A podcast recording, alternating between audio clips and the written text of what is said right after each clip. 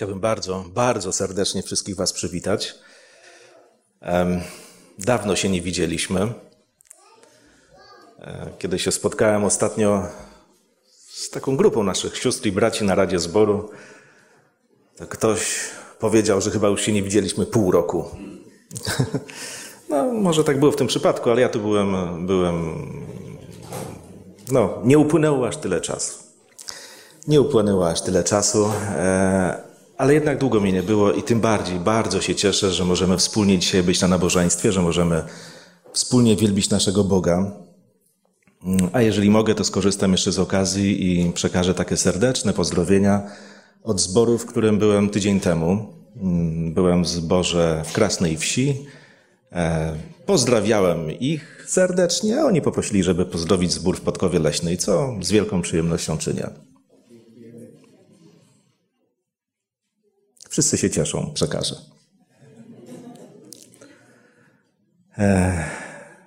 To bardzo miłe, słuchajcie, że możemy się odwiedzać. Mam akurat taki przywilej.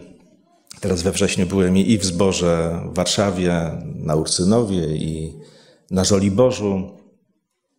Wszędzie, gdzie się spotykamy, czy jest nas dużo, czy mało, wielbimy Boga i to nas łączy, to nas zbliża i w jakiś sposób też wyraża taką prawdziwą najważniejszą potrzebę naszego życia.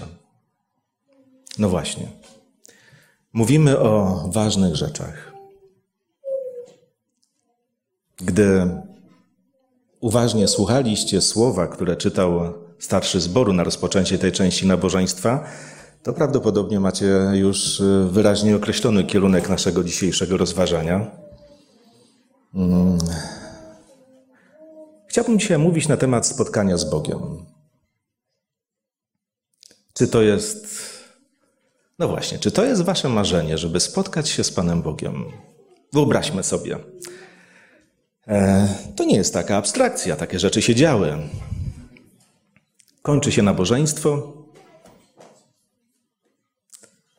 i podchodzi do Was Pan Jezus i mówi: Słuchaj, chciałbym spędzić z Tobą popołudnie. Ucieszyłbyś się? Czy czułbyś się zakłopotany, że musisz zmienić plany? Ucieszyłbyś się, czy byś się wystraszył? Po minach, jakie widzę na waszych twarzach, nie wiem, co myślicie, ale nie muszę wiedzieć. To jest coś, co jednak chciałbym, abyście rozważyli. Gdyby Chrystus zakładał swoje królestwo i ten dzień Jego przyjścia to byłby dzisiejszy dzień, i jestem ja, w takim stanie myśli, ducha, pragnień, marzeń. Czy chciałbym się w takim stanie znaleźć w Królestwie Bożym?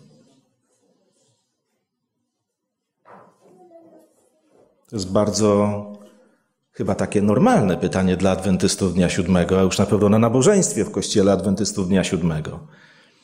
E, czy zawarłem pokój z Panem Bogiem? Czy, czy spokojnie myślę o tym, że przyjdzie i to jest moje marzenie, to jest najważniejsza rzecz, która rzeczywiście motywuje mnie we wszystkim, co robię w moim życiu? Jak jest? Ja nie będę na te pytania odpowiadał, a przynajmniej nie będę odpowiadał w Waszym imieniu. Ale myślę, że nad tego rodzaju pytaniami warto się zastanawiać. Czekamy. Czy w ogóle jeszcze czekamy? Jeżeli czekamy, to naprawdę całym sercem, czy tak po prostu. No bo jesteśmy adwentystami, więc nie może być inaczej. Moi drodzy, chciałbym przeczytać słowa, które znajdują się w Starym Testamencie. Jest to Księga Amosa, czwarty rozdział. I tutaj w wersecie dwunastym trzynastym czytamy tak. Dlatego tak postąpię z Tobą, Izraelu. I ponieważ tak chcę z Tobą postąpić, przeto przygotuj się na spotkanie Twojego Boga, Izraelu. On bowiem jest tym, który kształtuje góry i stwarza wiatr i objawia człowiekowi swoje zamysły. On stwarza zorzę poranną i mrok i kroczy po wyżynach ziemi, a imię Jego Jahwe, Bóg zastępów. Ten Bóg, ten Bóg ludziom, którzy żyją w czasach Amosa, właśnie przez tego proroka mówi: Przygotuj się na spotkanie Twojego Boga, Izraelu. Bardzo, bardzo ciekawe słowa. Zobaczcie, gdybyśmy chcieli spojrzeć na nie w takim kontekście, no, zastanowić się, e, o jakich w ogóle czasach mówimy, więc musielibyśmy się przenieść e, daleko w przeszłość. Jest to ósmy wiek przed naszą erą. Państwem izraelskim rządzi wtedy król Jeroboam. Nie tak dawno słuchałem kazania, co prawda nie było mnie tutaj, ale słuchałem tak e, w internecie kazania, które wygłosił pastor Julian Hatawa e, i mówił właśnie o tym, czego dokonał król Jeroboam. Mówimy o tym królu, który po śmierci e, Salomona przejął większą część państwa, no, Izraela i wprowadził ten kult w Betel, Dan. Zresztą bawachwalstwo rozeszło się wtedy po, po całym kraju. Ten Jeroboam, o którym teraz mówię, to nie on. Ten Jeroboam urodził się dużo później. To jest ciekawe, zobaczcie. Jest rodzina, rodzina królewska. Królem w tym czasie jest Joasz. I rodzi mu się syn, który może być następcą tronu. Nie wiem, jak wy Mówię tutaj o rodzicach. Mieliście wtedy, kiedy wam się dzieci urodziły, ale ja się dosyć długo zastanawiałem, e, jakby tutaj dać na imię mojemu dziecku. Nie wiedziałem, czy będę miał syna, czy córkę i nie chciałem wiedzieć.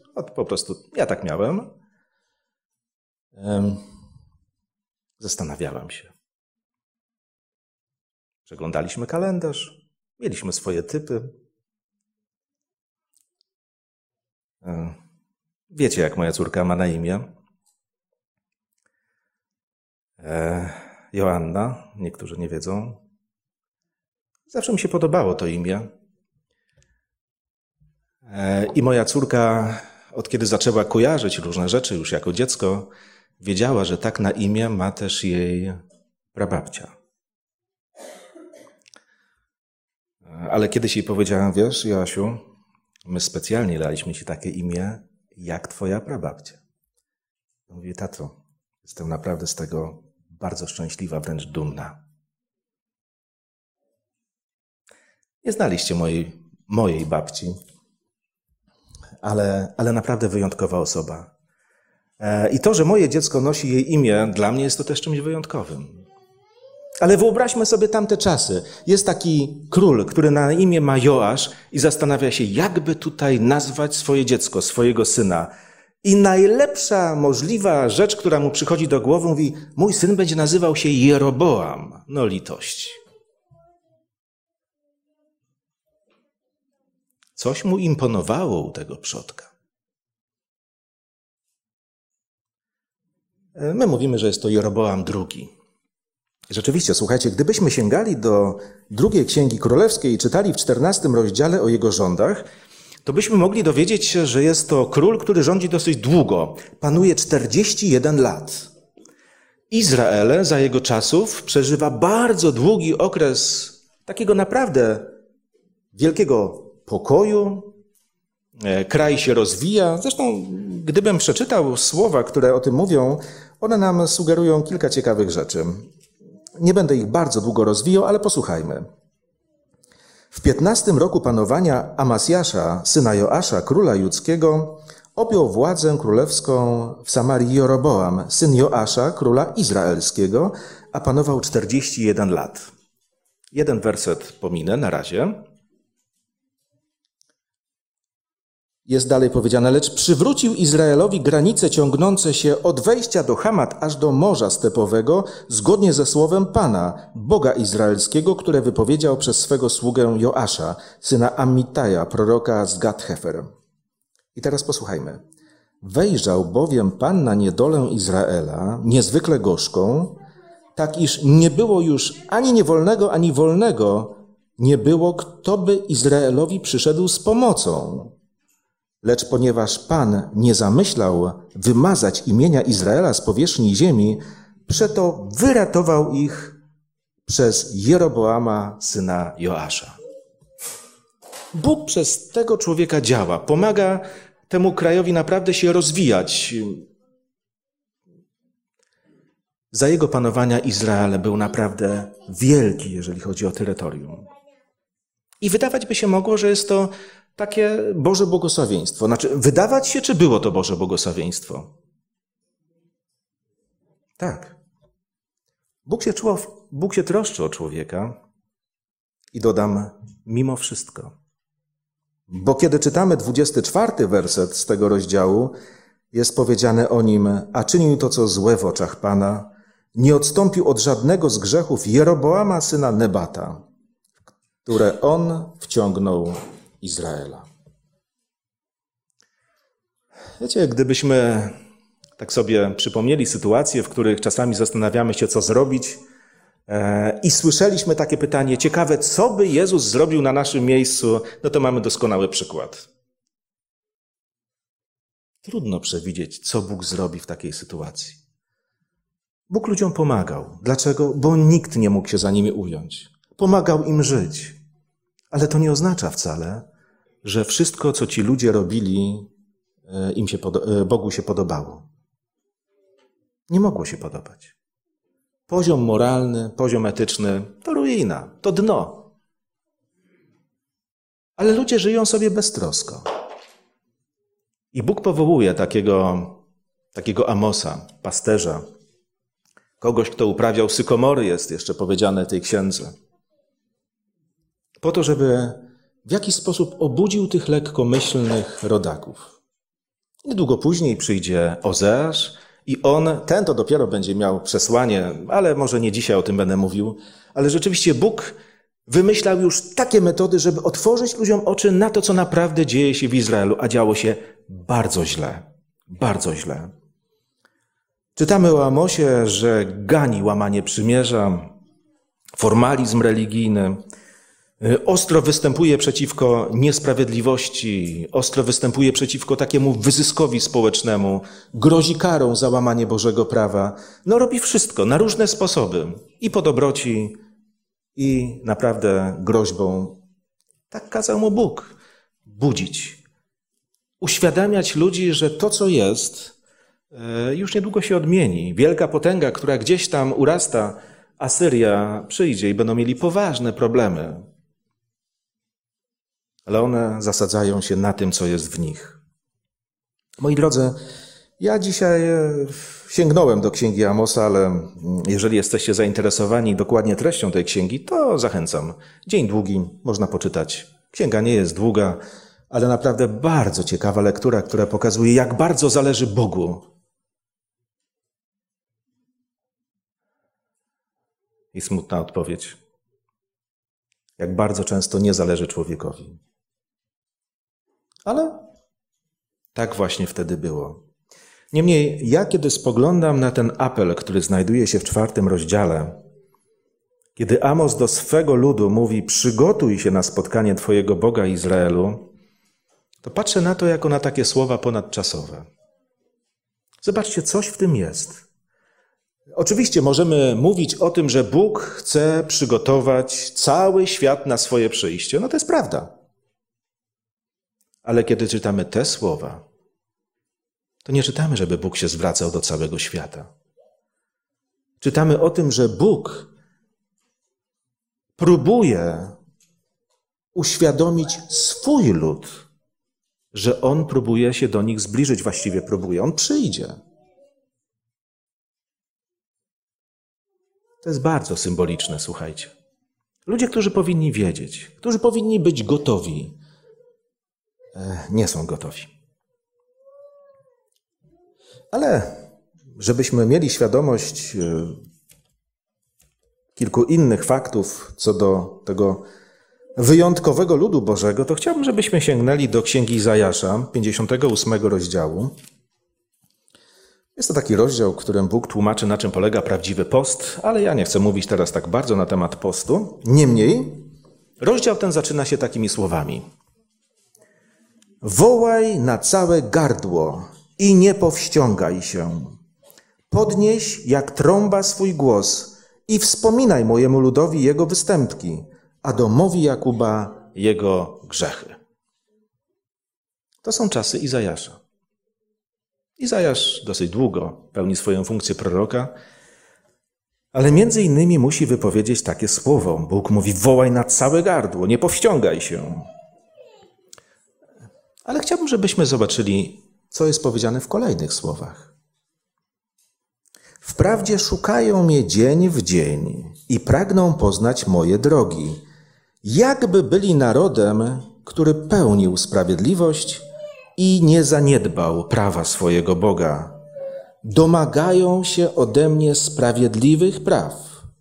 Pragną zbliżenia się do Boga, powiadając: Dlaczego pościmy, a ty tego nie widzisz? Dlaczego umartwiamy nasze dusze, a ty tego nie, dos- nie zauważasz?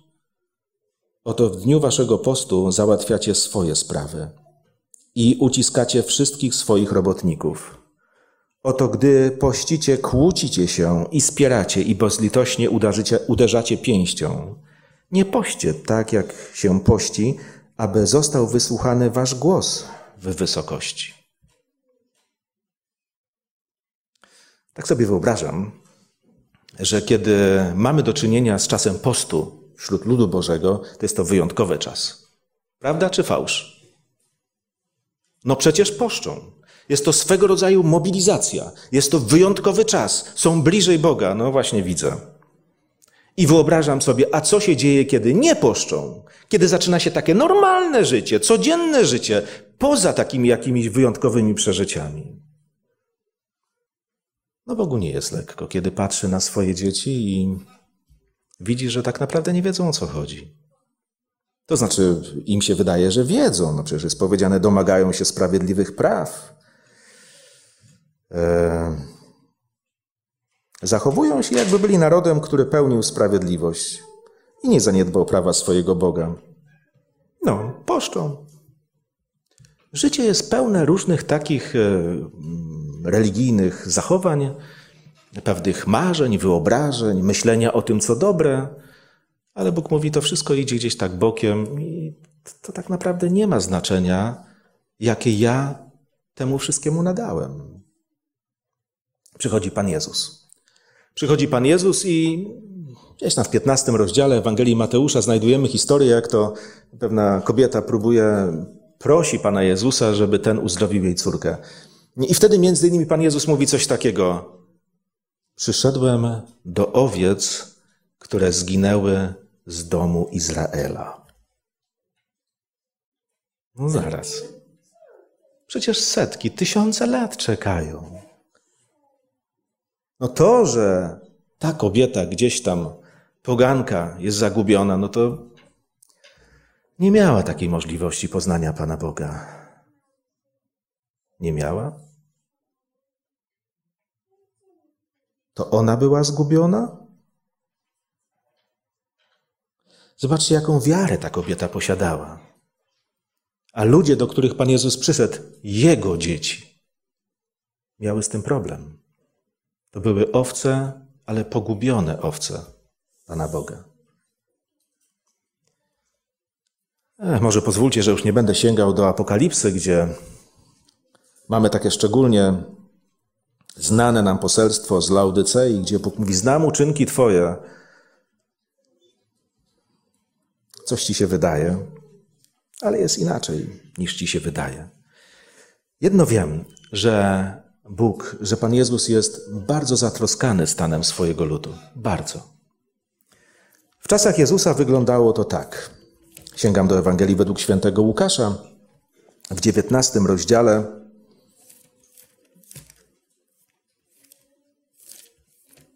Od wiersza 41 czytamy takie, takie słowa.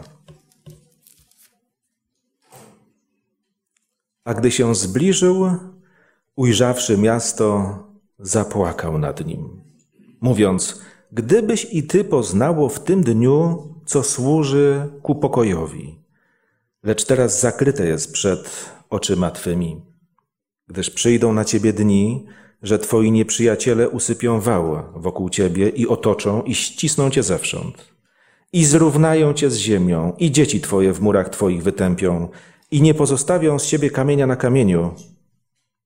Dlatego, dlatego, żeś nie poznało czasu nawiedzenia swego. Trzy lata Jezus jest wśród nich.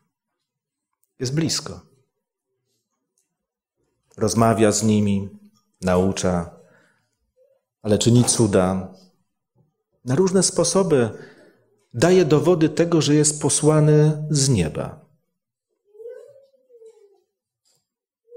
Ale po tym okresie czasu, w ocenie Pana Jezusa, okazuje się, że oni tak naprawdę nie poznali czasu, tego wyjątkowego czasu, tej wyjątkowej szansy, tej możliwości spotkania się z czymś prawdziwym. Za czym? Za czym tęsknili. Ale wiecie, kiedy ja tak e, nawiązuję do słów Amosa, przygotuj się. Wiecie, to nie jest tylko taki, e, taki apel na zasadzie, no, masz coś e, przed sobą. Ja widzę w tym wszystkim taką niezwykłą możliwość, która tam jest wyrażona. Bóg tak naprawdę przez Amosa próbuje tym ludziom powiedzieć, że przed ludem Bożym tamtych czasów i każdych czasów są pewne możliwości. To nie jest tak, Bóg stwierdza stan. Nie jesteś gotowy, albo jesteś gotowy, i, no i, i nic. Nie. Nawet kiedy Bóg mówi, nie jesteś gotowy, przygotuj się dopiero, żebyś był gotowy, to właśnie nie jest zniechęcenie. To nie jest takie podprowadzenie człowieka pod e, mur, gdzie człowiek powie: To ja sobie już odpuszczam, Widocznie to nie dla mnie. Zawiodłem Boga, to już koniec. Nie. Nie. Bóg, który rozmawia ze swoim ludem, zapamiętajmy sobie na zawsze. Bóg nas zawsze podnosi. Ja wiem, że te rozmowy z nami czasami są niełatwe dla nas, chociaż prawdziwe, ale nigdy Bóg nie chce nas w jakiś sposób zniechęcić. Nigdy nie chce nas w jakiś sposób e, wyhamować, on chce nas przyciągnąć do siebie. Popatrzmy. Kiedy na przykład sięgamy do pierwszego listu Jana, w trzecim rozdziale czytamy przepiękne słowa. Patrzcie, jaką miłość okazał nam Ojciec, że zostaliśmy nazwani dziećmi Bożymi i nimi jesteśmy. Co myślicie? Gdy słyszycie tego typu słowa, jesteś dzieckiem Bożym. No, niektórzy ludzie, zanim jeszcze zrozumieli, że są dziećmi bożymi, czuli się świetnie w rodzinach, w których mówili: Ja jestem dzieckiem swojej mamy, swojej taty, kochają mnie, nie mam żadnych wątpliwości, a oni serce i duszę i życie oddadzą dla mnie. Jedni tak mają, inni tak nie mają. A nawet ci, którzy tak nie mają, w pewnym momencie swojego życia przyjmują do wiadomości ten fakt. Jesteśmy nazwani dziećmi Bożymi i nimi jesteśmy.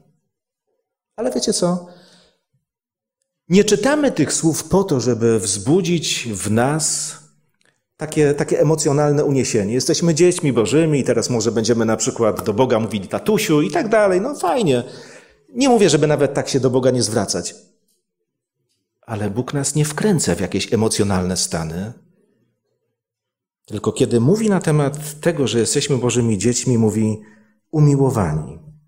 Teraz dziećmi Bożymi jesteśmy. Ale się jeszcze nie objawiło, czym będziemy, lecz wiemy, że gdy się objawi, będziemy do Niego podobni, gdyż ujrzymy Go takim, jakim jest. I każdy, kto tę nadzieję w Nim pokłada, oczyszcza się tak jak On jest czysty. Jestem dzieckiem mojego Ojca w niebie. Bardzo sobie cenię ten, ten, tę świadomość. Ale wiem, że mogę na Niego liczyć jak na Ojca w niebie. Bóg nie mówi, oczyś się sam. Przecież wiemy, na czym to oczyszczenie polega. Ale właśnie o to chodzi, że Bóg naprawdę prowadzi nas do czegoś prawdziwego, czegoś, co wynika z faktu, że jesteśmy Jego dziećmi. Zobaczcie, nieco wcześniej w liście Piotra, pierwszym liście Piotra czytamy: Skoro dusze wasze uświęciliście przez posłuszeństwo prawdzie ku nieobłudnej miłości bratniej, umiłujcie czystym sercem jedni drugi gorąco. I teraz, jako odrodzeni nie z nasienia skazi skazitelnego, ale nieskazitelnego, przez Słowo Boże, które żyje i trwa. Bóg daje Ci Słowo Boże. W jakim celu? Po co mi Bóg dał do ręki Słowo Boże?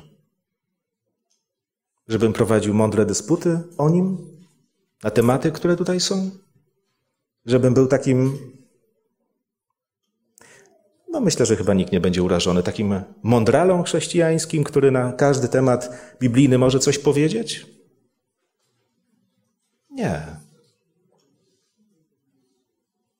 Wiem jedno. Słowo Boże czemuś służy. Jest powiedziane jako odrodzeni z nasienia skazit... nie, jako odrodzeni nie z nasienia skazitelnego, ale nieskazitelnego. Przez Słowo Boże, które żyje i trwa. A więc jeżeli dostaliśmy Słowo Boże i korzystamy z tego Słowa Bożego, to pozwólmy, żeby rzeczywiście Bóg przez to Słowo no, działał w życiu, w życiu naszym.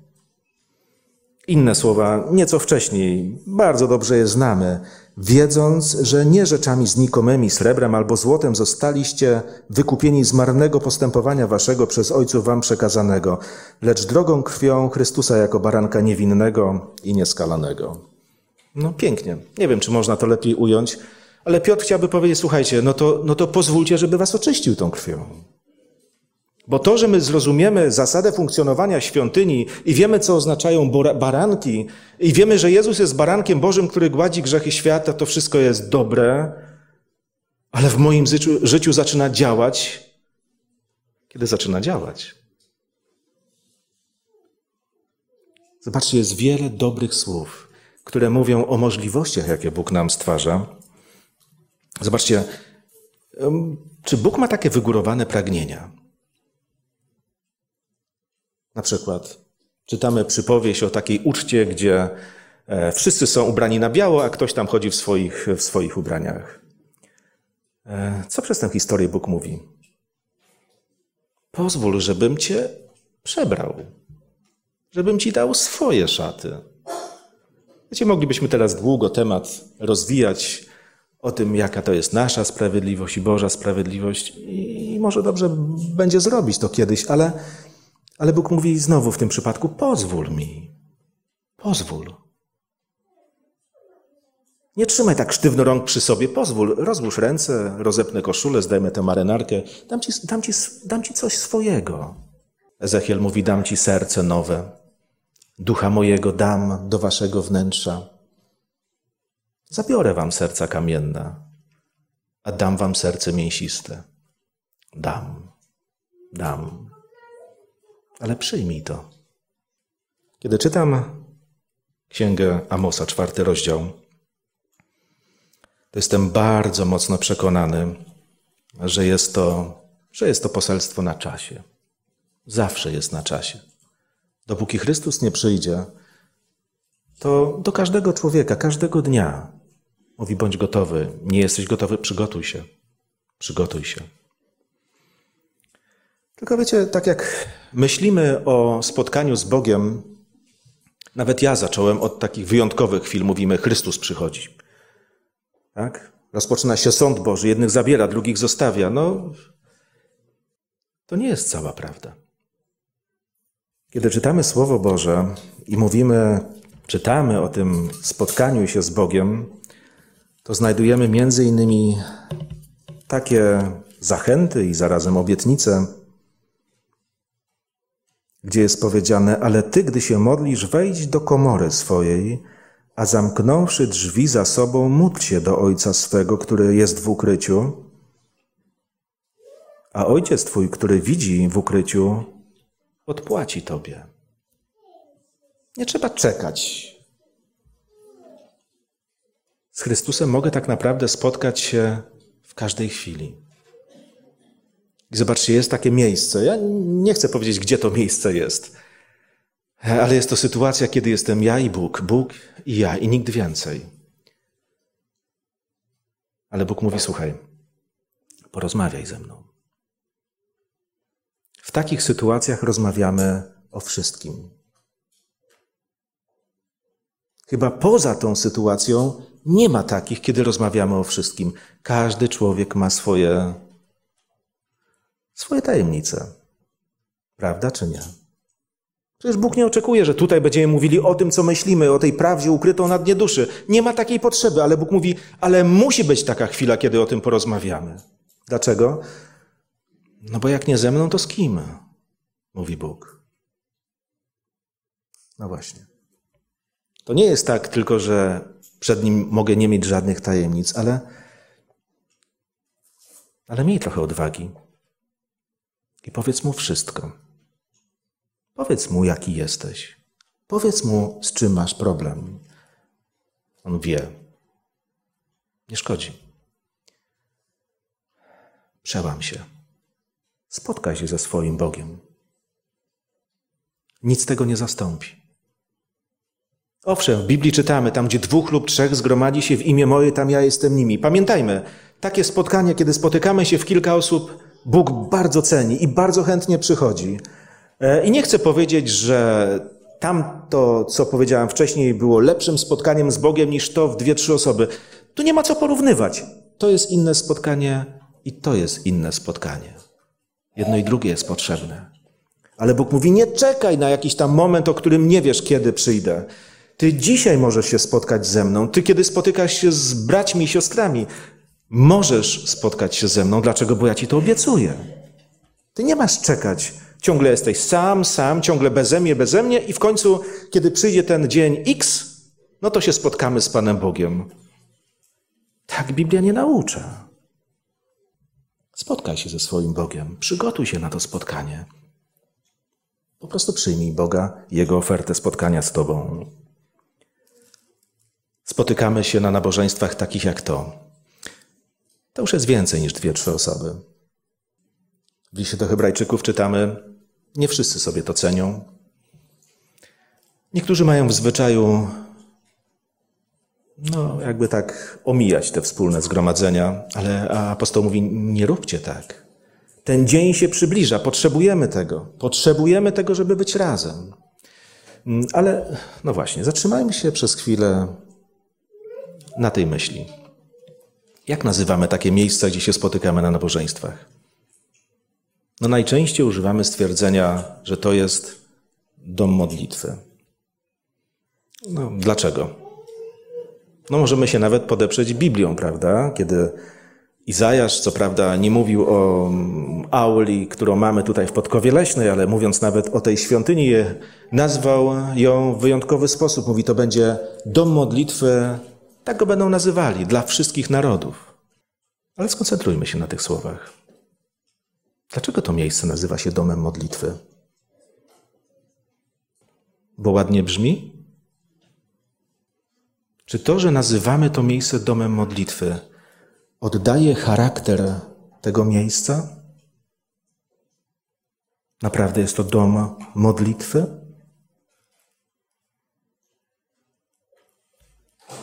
To są otwarte pytania. Ale wiem jedno. W Biblii mamy opisanych wiele różnych nabożeństw. Pozwólcie, że nie będziemy dawali przykładów, jak to ludzie, jak to ludzie rzeczywiście Boga wielbią w różnych okolicznościach, ale za każdym razem w moim odczuciu wygląda to tak, że kształt nabożeństwa, forma nabożeństwa, przebieg nabożeństwa jest wyrazem tego, co ludzie myślą, co czują, co łączy ich z Panem Bogiem, jakie mają potrzeby, jakie mają pragnienia. I dlatego czasami czytamy, że ludzie posypują swoje głowy popiołem, czasami rozdzierają swoje szaty, czasami i dzieci, i niemowlęta, i wszyscy przychodzą z kapłanami, poszczą. Nikt nie mówi, że tak musi być za każdym razem, ale powtórzę, kształt nabożeństwa jest wyrazem tego, kim tak naprawdę jesteśmy, jakie mamy potrzeby, co przeżywamy. Patrząc na nasze nabożeństwo, Gdziekolwiek byśmy na tym nabożeństwie byli, może zadajmy sobie proste pytanie. Czy to dalej jest dom modlitwy? Rozmawiamy z Panem Bogiem? Z sobą niewątpliwie. Z Panem Bogiem też mamy czas?